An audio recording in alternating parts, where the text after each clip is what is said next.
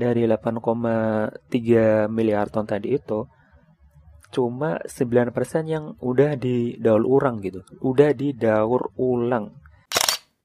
Di laut ini ada sebanyak 5 triliun potongan plastik gitu ya. Jumlah plastik nih, jumlah plastik yang ada di laut ini beratnya ya atau jumlahnya gitu bakal lebih banyak dari pada jumlah ikan.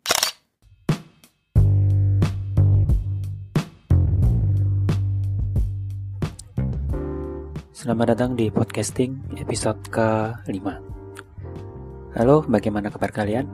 Semoga baik-baik saja seperti biasanya. Uh, Sebelumnya, ini ya mungkin mau mengucapkan bela sungkawa dulu. Uh, Innalillahi wa inna ilaihi raji'un. Turut berduka atas meninggalnya Bapak Sutopo pada hari Minggu kemarin, Minggu 7 Juli 2019 Uh, Pak Sutopo sendiri adalah apa ya kalau bisa dibilang dia uh, mendapat julukan pahlawan kemanusiaan karena ini ya beliau sebagai kepala pusat data informasi dan humas BNPB uh, senantiasa selalu memberikan informasi terkait bencana walau walau dia uh, beliau udah di uh, diagnosa terkena penyakit kanker ya. Semoga beliau mendapat tempat yang terbaik di sisinya. Amin. Nah, uh, hari Minggu kemarin itu juga ada berita baik nih. Jadi, eh hari Minggu, hari Sabtu, hari Sabtu kemarin ada berita baik nih.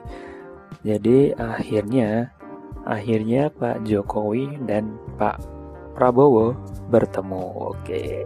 Setelah pertarungan sengit di pemilu 2019 akhirnya ketemunya di stasiun MRT di Lebak Bulus. Stasiun MRT Lebak Bulus. Nah, itu mereka bertemu uh, saling saling ngobrol lah, santai gitu. Uh, terus yang menarik adalah jadi ketemunya itu kan di MRT nih. Nah, itu kebetulan uh, pertama kalinya Prabowo naik MRT gitu. Mantap. Jadi pertama kali Prabowo naik MRT itu adalah waktu ketemu Pak Jokowi kemarin itu. Itu. Nah, selain pertemuan dari Pak Jokowi dan Prabowo, uh, sorenya nih, sorenya ini Sandiaga Uno dan Erick Thohir. Erick Thohir itu ketua pemenangan TKN jadi ketua pemenangannya uh, pasangan Jokowi Ma'ruf gitu ya si Erick Thohir. Nah jadi si Sandiaga Uno dan Erick Thohir ini bertemu juga nih di Kembang Village. Itu dari uh, acara di acara yang apa ya yang penting Indonesia kalau nggak salah. Yong yangnya tuh Yong ya muda.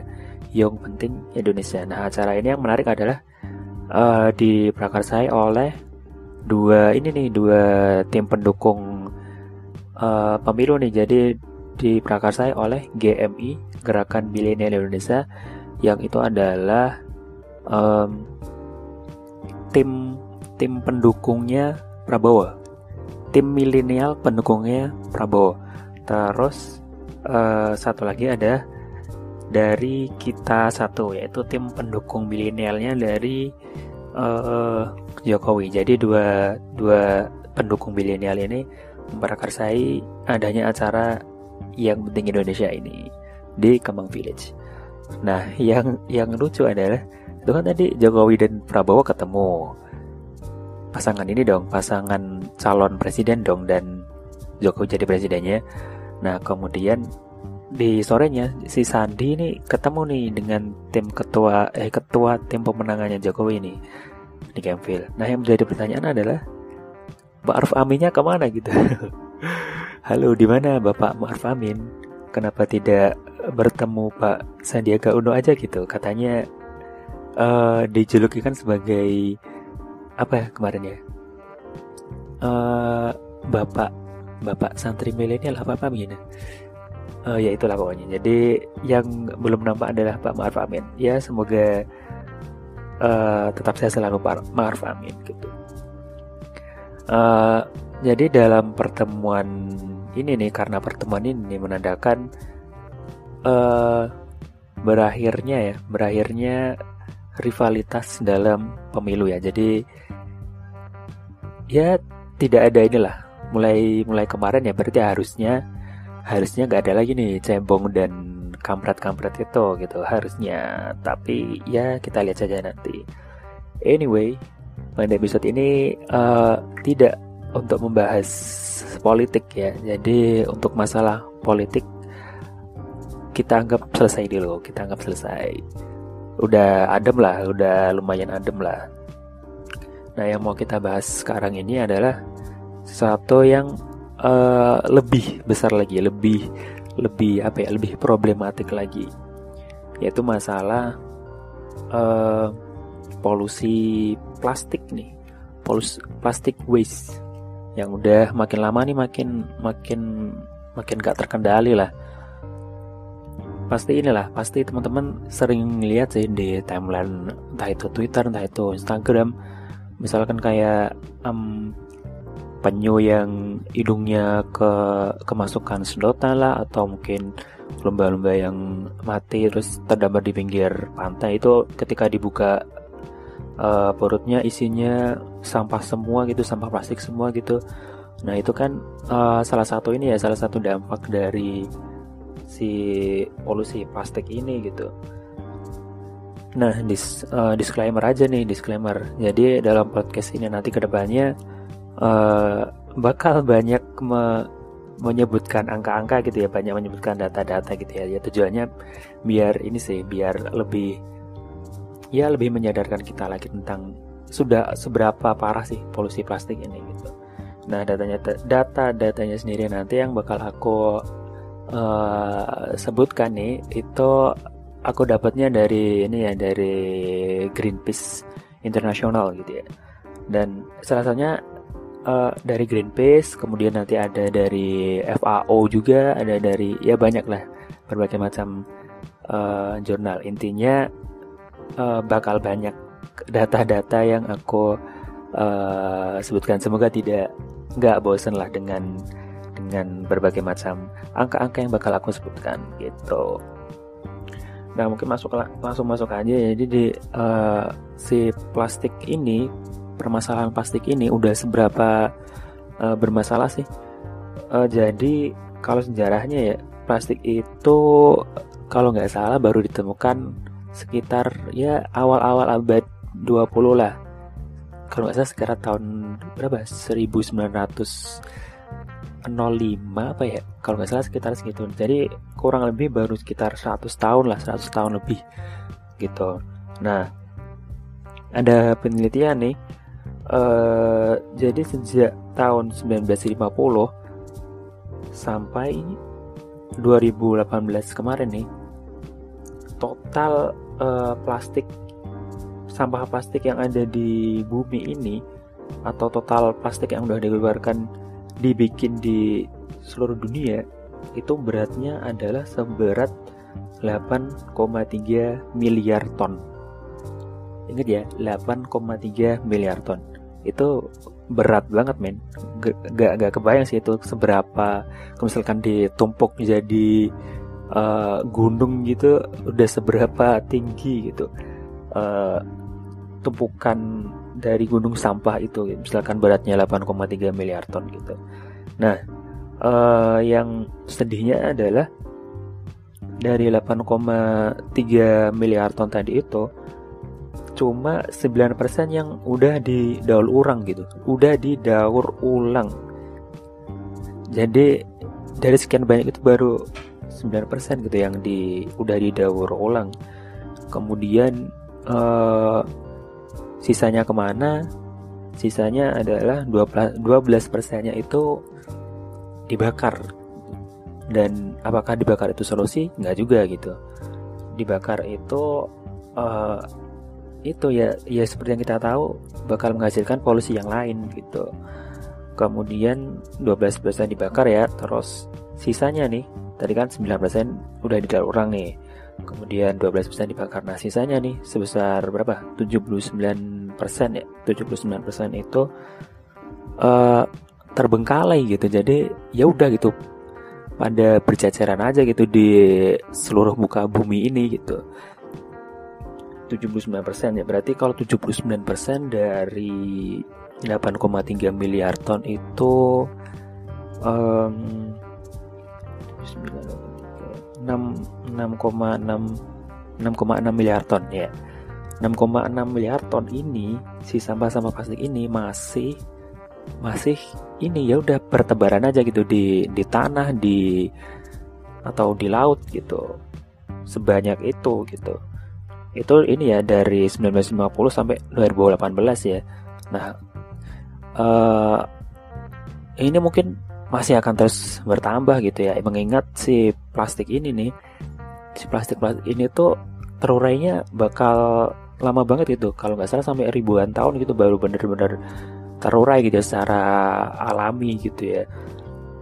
Nah kebayang dong baru baru berapa? 100 tahun aja 100 tahun itu udah 8,3 miliar ton gitu. Dan berarti kan dalam 100 tahun ini belum ada satupun plastik yang terurai kan. Berarti kan belum belum ada jarak rentang yang ribuan tahun itu dari pertama kali ditemukan kan. Jadi ya ya gitu belum ada yang terurai gitu dalam 100 tahun ini. Masih 8,3 miliar ton itu. Dan mungkin bakal mungkin banget bakal lebih bertambah lagi mengingat uh, semakin ke sini apa-apa itu semakin uh, ada plastiknya gitu. Entah itu kemasan entah itu uh, bendanya itu sendiri itu semuanya ada mengandung plastiknya gitu. Karena emang ya plastik sendiri secara industri ya secara industri emang bahan yang sangat mudah untuk dibentuk dan uh, dari segi komersial itu sangat sangat oke okay, gitu. Nah itu problemnya di situ sih. Nah yang yang sedih lagi adalah uh, di laut nih di laut ini ada sebanyak 5 triliun potongan plastik gitu ya. Jadi kan tadi beratnya ini 6,6 miliar ton nih. Nah kalau di diurai nih satu persatu nih itu ada ada 5 ada sekitar 5 triliun potongan plastik itu entah itu uh, berupa plastik kemasan, entah itu um, jaring mungkin atau botol plastik. Nah itu jumlahnya piecesnya itu ada 5 triliun gitu, 5 triliun plastik yang nyemplung ke laut gitu. Nah, kalau si ini si 5 triliun plastik ini misalkan nih di dijajarin nih itu tuh kalau yang dari aku baca bisa bisa ini nih bisa mengelilingi. Jadi panjangnya gitu bisa mengelilingi bumi sebanyak 400 kali men. Itu itu banyak gitu. Itu banyak banget itu berarti sebanyak itu gitu yang ada di laut gitu. Nah, itu kan dari, dari tadi kan ini ya udah uh, fakta-faktanya ya mengenai si permasalahan plastik ini. Nah, pertanyaannya adalah siapa sih yang paling terkena dampak gitu ya dari polusi plastik ini? Ya banyak gitu yang terkena dampak. Yang kalau misalkan di laut nih yang terutama satwa, satwa-satwa gitu ya. Uh, kalau dari penelitian nih dari yang Greenpeace tadi itu uh, eh, 9 dari 10 burung laut itu makan plastik gitu. Jadi mereka kira uh, si plastik-plastik ini mungkin dikira ikan kali ya. Jadi mereka pasti makan gitu.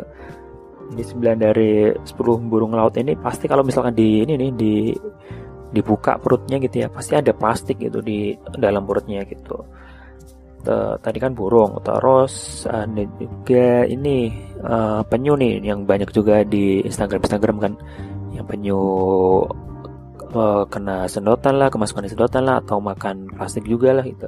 Jadi kalau penyu itu kalau dari penelitian sekitar satu dari tiga penyu itu pasti uh, pernah makan plastik gitu. Kemudian uh, lebih dari setengah populasi paus atau lumba-lumba itu pun juga makan plastik gitu.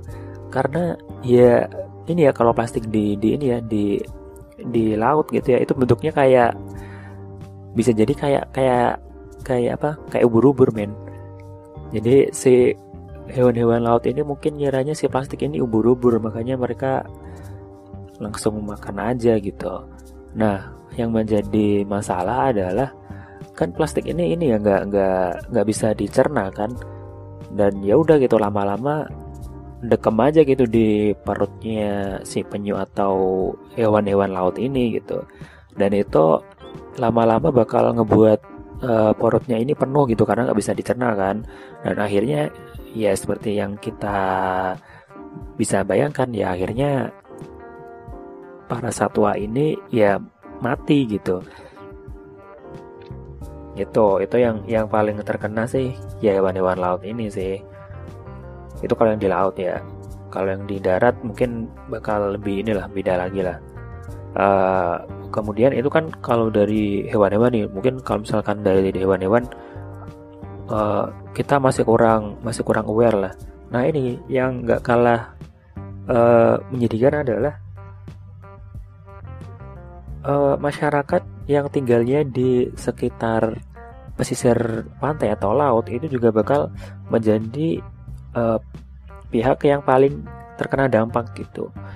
Nah, dari uh, penelitian juga nih, jadi ada lima negara yang paling terkena dampak dari polusi sampah plastik ini.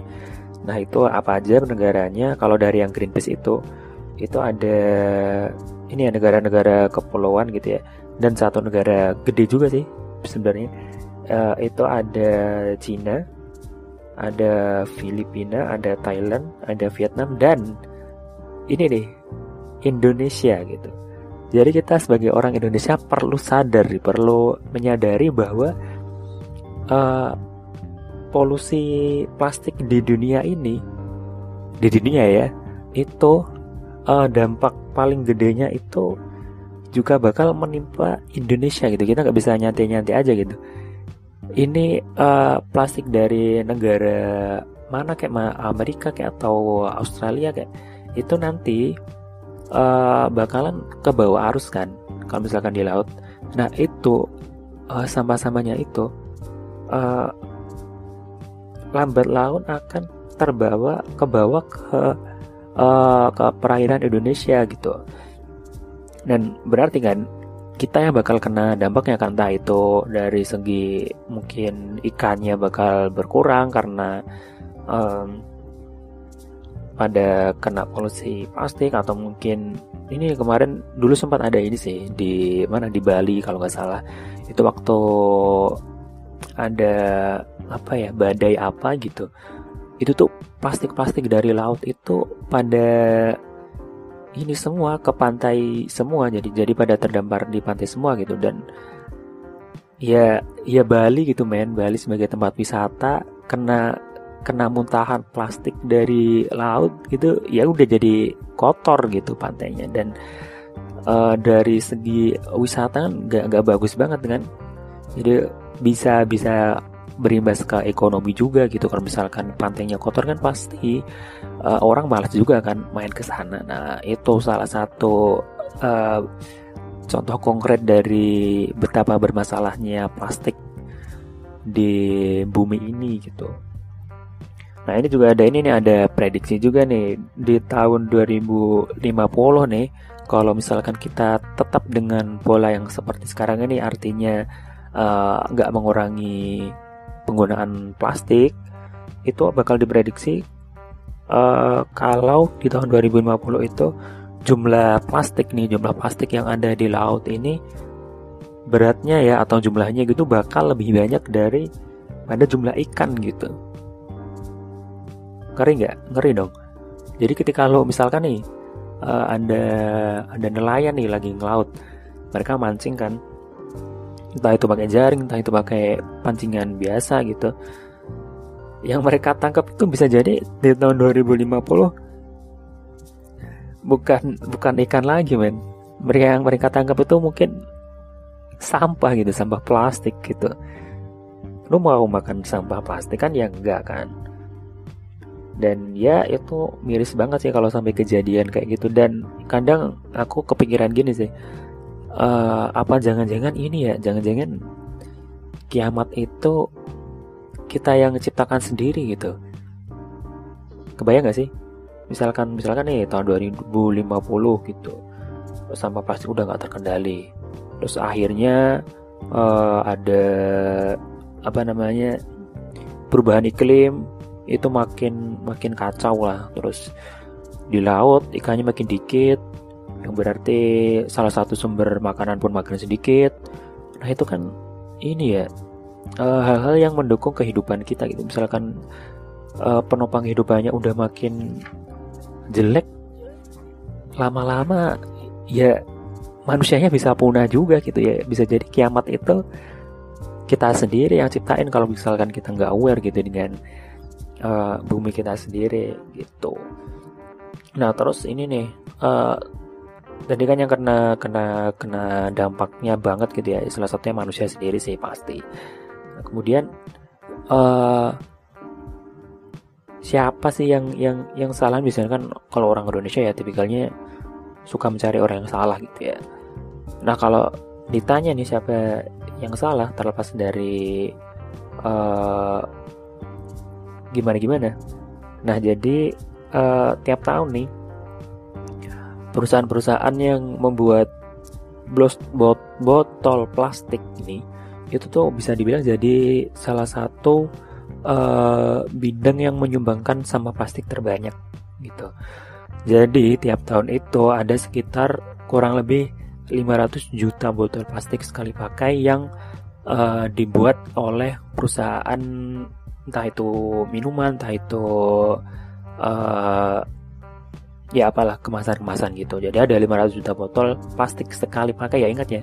Yang perlu yang perlu digarisbawahi adalah uh, botol plastik sekali pakai yang berarti yaitu kayak misalkan Aqua, Maison, uh, Coca-Cola dan teman-temannya itu itu itu sebagai salah satu penyumbang sampah plastik terbanyak di dunia gitu ya 500 juta botol plastik sekali pakai per tahun. Nah yang enggak yang gak kalah banyak itu adalah ini gelas plastiknya kalau misalkan nih uh, teman-teman suka ngopi nih, suka ngopi ke Starbucks. Nah, Starbucks ini uh, per tahunnya menghasilkan 4 juta cup plastik. Jadi, misalkan teman-teman suka ngopi nih, entah itu di Starbucks atau mungkin di mana juga, bisa jadi teman-teman juga ya kita sih kita menjadi penyumbang juga nih penyumbang polusi plastik juga gitu.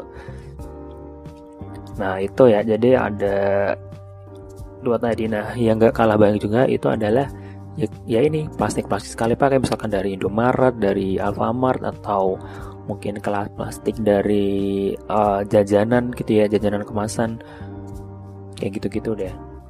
Nah terus uh, ini sih solusinya apa sih? Nah solusinya adalah oh sebelum masuk ke solusi ini ada beberapa ini nih hal yang uh, salah apa ya bisa dibilang salah kaprah sih mengenai gimana cara menangani si sampah plastik ini. Uh, jadi itu ada misalkan ini nih teman-teman pasti tahu kan sekarang itu ada yang namanya bio bioplastik gitu. Misalkan di Indomaret atau Alfamart itu kan kadang kalau teman lihat itu ada tulisannya gitu ya bioplastik. Uh, lebih cepat terkom terkompos terkomposisi apa sih? Terkomposter. Ah terkomposisi. Ya ya gitu deh. Jadi istilahnya bioplastik gitu. Nah faktanya nih bioplastik itu nggak nggak seramah lingkungan itu juga gitu.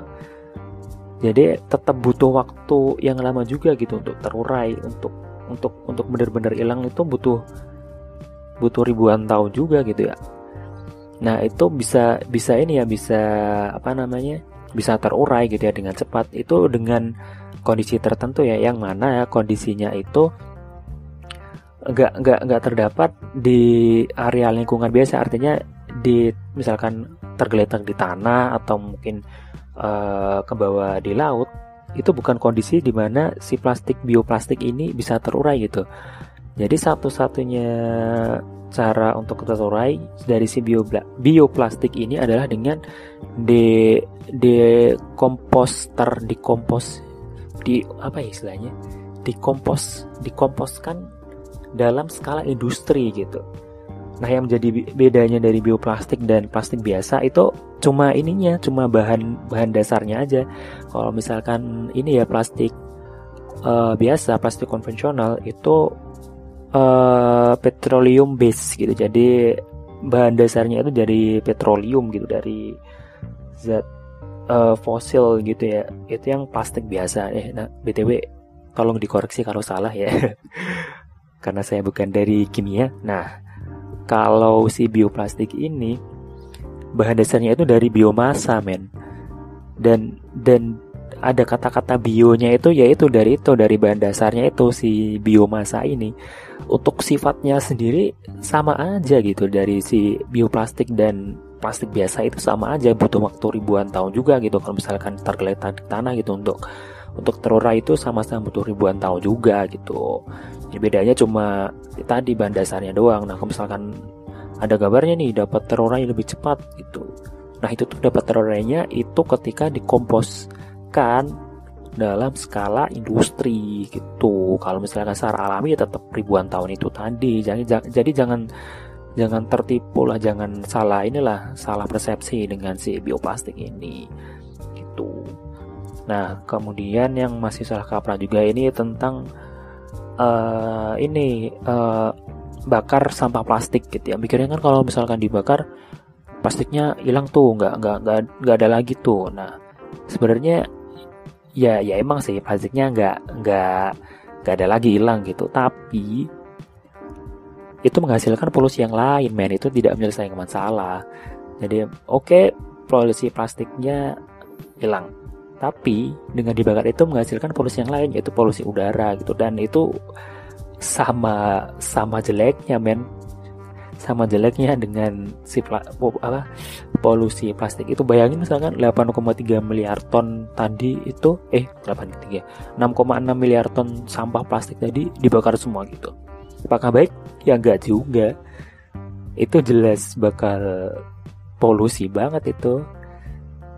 Lu gak bakal hidup kayaknya tuh kalau misalkan 6,6 uh, miliar ton sampah tadi dibakar semua tuh tingkat udara bumi itu kayaknya udah gak menjamin manusia bisa hidup lagi deh. Kayak gitu. Jadi dibakar itu juga bukan solusi. Nah kemudian solusinya apa sih? Nah sebenarnya kalau dari solusi sendiri itu ada ada ini ya bisa jadi dua dua sisi kali ya. Yang pertama itu dari pemerintah ya. Kalau kalau dari pemerintah sendiri ya ya ini inilah urusan pemerintah itu urusan yang sedikit ribet ya. Bisa jadi uh, ya skalanya beda lah dengan ini. Nah kalau dari pemerintah sendiri sebenarnya apa sih yang bisa dilakukan? Salah satunya adalah adalah memperlakukan uh, kalau yang paling ekstrim sih ini ya langsung ke pelarangan gitu ya pelarangan penggunaan plastik tapi kalau di Indonesia kayaknya masih sulit sih nah tapi ada ini sih walaupun kayak gitu ada beberapa negara nih itu yang udah memperlakukan uh, pelarangan penggunakan penggunaan uh, beberapa jenis uh, produk plastik gitu ya. Kalau nggak salah ada di ini deh uh, Maroko dan di kota Vancouver di Kanada itu. Itu mereka udah memperlakukan beberapa pelarangan ya pelarangan penggunaan plastik di beberapa pro, jenis produk gitu kalau nggak salah kayak gitu. Nah selain uh, tadi pelarangan itu ya yang paling ekstrim lah istilahnya itu bisa juga ke ini uh, kebijakan uh, tarif tarif atau pajak terhadap uh, kantong plastik gitu ya. Sempat dulu kan uh, di Indomaret atau Alfamart itu kita dikenai uh, biaya 200 rupiah ya kalau nggak salah 200 rupiah untuk per satu kantong plastik. Nah itu kalau menurutku sih menurutku sangat sangat oke okay sih. Jadi istilahnya biar kitanya sadar kalau uh, plastik itu uh, perlu ditangani gitu. Jadi nggak kita nggak serta merta karena gratis nih terus kita ya udah iya iya aja kita misalkan ditawari pakai plastik atau enggak nah dengan adanya si uh, tarif ini harapannya sih kalau menurutku ya biar kita lebih hemat aja gitu. Hemat plastik lah istilahnya. Jadi nggak nggak apa-apa harus dikantongi plastik gitu. Nah tapi kok uh, coba waktu itu aja gitu. Sekarang kayaknya udah gratis lagi deh. Nah itu wah sayang banget sih. Kalau menurutku menurutku sangat bagus itu ada tarif di di kantong plastik itu. Gitu. Nah di 30 negara di dunia sendiri udah udah ini sih udah menerapkan si tarif atau pajak kantong plastik ini sih. Jadi dari tarif atau pajak ini kalau mereka nih kalau kebanyakan kalau nggak salah ini jadi duitnya itu pajaknya itu nanti buat buat ini juga buat biaya uh, penanggulangan sampah plastik juga. Jadi ya win-win solution juga kan. Gitu. Ya jangan sampai ini juga apa namanya udah udah disuruh bayar plastik gitu. Tapi duit bayarnya buat perusahaan nah itu kan ya kurang oke juga jadi harapannya sih uh, pemerintah nih di Indonesia bisa mengeluarkan kebijakan tentang adanya entah itu uh, tadi pelarangan yang ekstrim tadi pelarangan penggunaan plastik atau mungkin yang masih lumayan win-win solution itu yang tadi ya yang tarif atau pajak itu dan dari hasil uangnya adalah dimanfaatkan untuk um, penanggulangan plastik gitu. Nah itu kan tadi pemerintah nih. Nah apa sih yang bisa kita lakuin hal-hal simpel apa yang bisa kita lakuin? Uh, kalau menurut aku sih uh, minimal ada tiga ini ya. Ini yang ini sih yang selama ini uh, sedang aku usahain untuk terus aku lakuin gitu ya. Uh, yang kalau aku sendiri yang pertama adalah yaitu tadi nggak nggak pakai kantong plastik gitu ya. Kalau misalnya lagi ke Indomaret atau Alfamart atau ya tempat-tempat uh, belanja yang lain lah sebisa mungkin untuk nggak pakai kantong plastik gitu. Misalkan nih uh, belinya cuma barang-barang yang kecil lah misalkan apa ya uh, Indomie atau uh, makanan ringan atau ya apalah benda-benda kecil gitu kan nggak usah pakai plastik juga bisa gitu dikantongin aja juga bisa gitu. Nah kalau misalkan kayak gitu ya udah nggak usah pakai plastik gitu. Kalau misalkan barang beli barangnya banyak ya mungkin uh, masih inilah bisa ditolerir toleril. Kalau misalkan barang-barang yang bisa tidak perlu pakai plastik ya udah nggak usah pakai plastik gitu. Misalkan nih baru berangkat kantor nih uh, kepikiran nih hari ini perlu barang apa? Ya udah langsung beli aja di Indomaret itu mau masih bawa tas kan.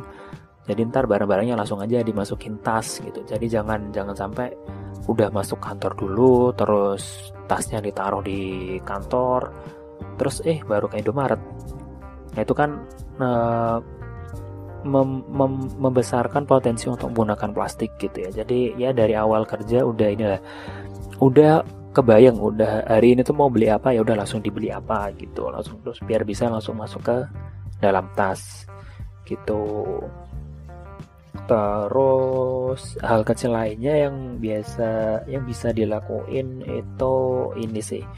Uh, ini nggak pakai sedotan nggak pakai sedotan atau botol plastik.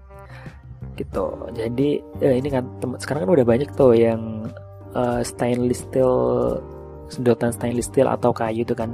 Nah, itu sangat membantu sih menurutku. Nah itu uh, dibawa deh sering-sering beli terus sering-sering dibawa ke mana-mana karena uh, ya itu inilah salah satu uh, hal kecil yang bisa kita lakuin itu untuk membantu bumi ini tetap ada gitu men. Tetap bisa ditinggali. Nah tadi selain uh, apa sedotan juga ini kurangi uh, misalkan makan jajan makan snack makan mie atau mungkin kalau minum itu belinya aqua mulu gitu. Itu kurang kurangin deh. Kalau misalkan minum mie minum nih ya udah bawa botol aja men dari dari rumah dari kosan itu bawa botol aja gitu. Selain lebih hemat itu tadi itu sangat membantu mengurangi sampah plastik. Kan tadi inget kan salah satu penyumbang uh, polusi sampah terbesar itu adalah dari botol plastik sekali pakai. Nah kalau misalkan teman-teman ini uh, tiap hari minumnya dari misalkan aqua atau fit atau lain sebagainya ya berarti ya teman-teman ini salah satu yang ikut menyumbang sampah plastik terbesar di dunia itu gitu. Jadi ya kurangilah. Lagian ya itu tadi lebih hemat juga kan dengan botol uh, terus um, apa lagi? Uh, ini ini nih. Uh, sering-seringlah untuk misalkan nih untuk makan ya. Makan itu uh, jangan jangan sering-sering dibawa pulang. Artinya kalau misalnya kita ke tempat makan ya udah makan aja di situ gitu. Gak usah dibungkus gak usah dibawa pulang gitu ya. Karena kalau misalkan dibungkus ini ya otomatis pasti bakal dikasih plastik kan dan ya lagi-lagi itu nggak baik juga gitu. Jadi baru masalah bungkusnya ya belum dari wadah si makanan itu sendiri. Misalnya kan kalau sekarang uh, wadah-wadahnya itu udah dari bahannya itu dari styrofoam juga kan. Nah itu kan tadi kan kita baru bahas plastik nih. Nah styrofoam ini itu bahan yang beda lagi nih.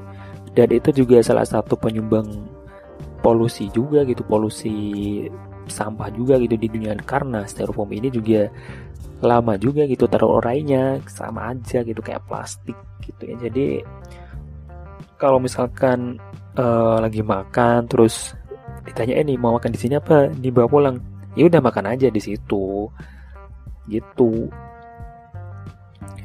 Eh, hal-hal kecil yang bisa kita yang bisa kita lakuin kira-kira kalau menurutku itu sih. Yang iya yang sehari-hari lah sehari-hari pasti kita lakuin kan dan kalau menurutku sih uh, dari hal-hal kecil ini ketika kita lakuin bersama-sama ya itu bakal dampaknya lebih gede sih. Karena ya gimana juga karena kita orang biasa ya mungkin uh, untuk melakukan hal-hal besar masih sulit gitu. Misalkan uh, melakukan gerakan daur ulang sampah plastik. Nah itu kan nggak nggak semua orang bisa kan. Tapi kalau misalkan dengan hal-hal kecil yang tadi aku sebutin pasti semua orang harusnya bisa gitu. Nah mungkin uh, segitu aja kali ya. Udah lama juga nih 30-an menit juga. Ya intinya adalah uh, dunia kita ini tidak baik-baik saja. Kalau misalkan kita tetap berpikir uh, plastik itu nggak ada masalahnya gitu. Ya dunia ini kalau misalkan dengan pola pikir seperti itu lama-lama akan akan nggak layak menjadi tempat huni juga gitu dan ya ayolah bareng-bareng saya aku sendiri juga masih banyak belajar ya tentang masalah ini uh, ayo bareng-bareng kita uh, melakukan hal kecil untuk menyelamatkan bumi kita bersama. Nah gitu. Nah ini ada beberapa quotes nih untuk kita kita nih sebagai pengingat juga buat aku dari sini juga. Uh, gitu. Yang quotesnya adalah uh, sadar gak sih kita ini nggak bisa merubah orang lain selain diri kita sendiri gitu? Karena ya kalau aku rasanya emang gitu sih. Misalkan uh, sebagus apa pun motivator atau mungkin orang menasihati kita ketika kita menolak ya itu percuma gitu. Nggak nggak ada yang nggak ada perubahan gitu yang bakal terjadi sama diri kita gitu. Se, sebagus apa pun orang lain berkata terhadap diri kita yang bisa mengubah diri kita ya diri kita sendiri gitu. Ketika kita udah memiliki niat untuk berubah ya kita akan berubah men. Itu yang terjadi gitu. Jadi nggak ada orang yang bisa merubah diri kita selain diri kita sendiri. Ke kemudian ini everybody want to change the world but no one change themselves. Nah yang pertama tadi ya jadi emang bas, pasti banyak banget sih orang yang pengen merubah dunia tapi mereka belum sadar nih kalau misalkan hal yang perlu mereka ubah pertama kali adalah diri mereka sendiri dulu gitu. Terus yang paling akhir nih uh, yuk mulai bantu inilah bantu bumi ini dengan hal, hal kecil tadi itu. Mulai dari diri sendiri mulai dari hal yang kecil mulai dari sekarang. Oke mungkin segitu dulu ya dari aku. Uh, mohon maaf misalkan seperti menggurui tapi niatnya nggak gitu sih. Niatku sih untuk ya sama-sama belajar lah mengenai hal uh, problem plastik ini untuk bumi yang lebih layak huni lagi lah. Sekali lagi, kurang lebihnya mohon maaf. Always positive, always amazing. Save the earth and see you in the next episode. Ciao.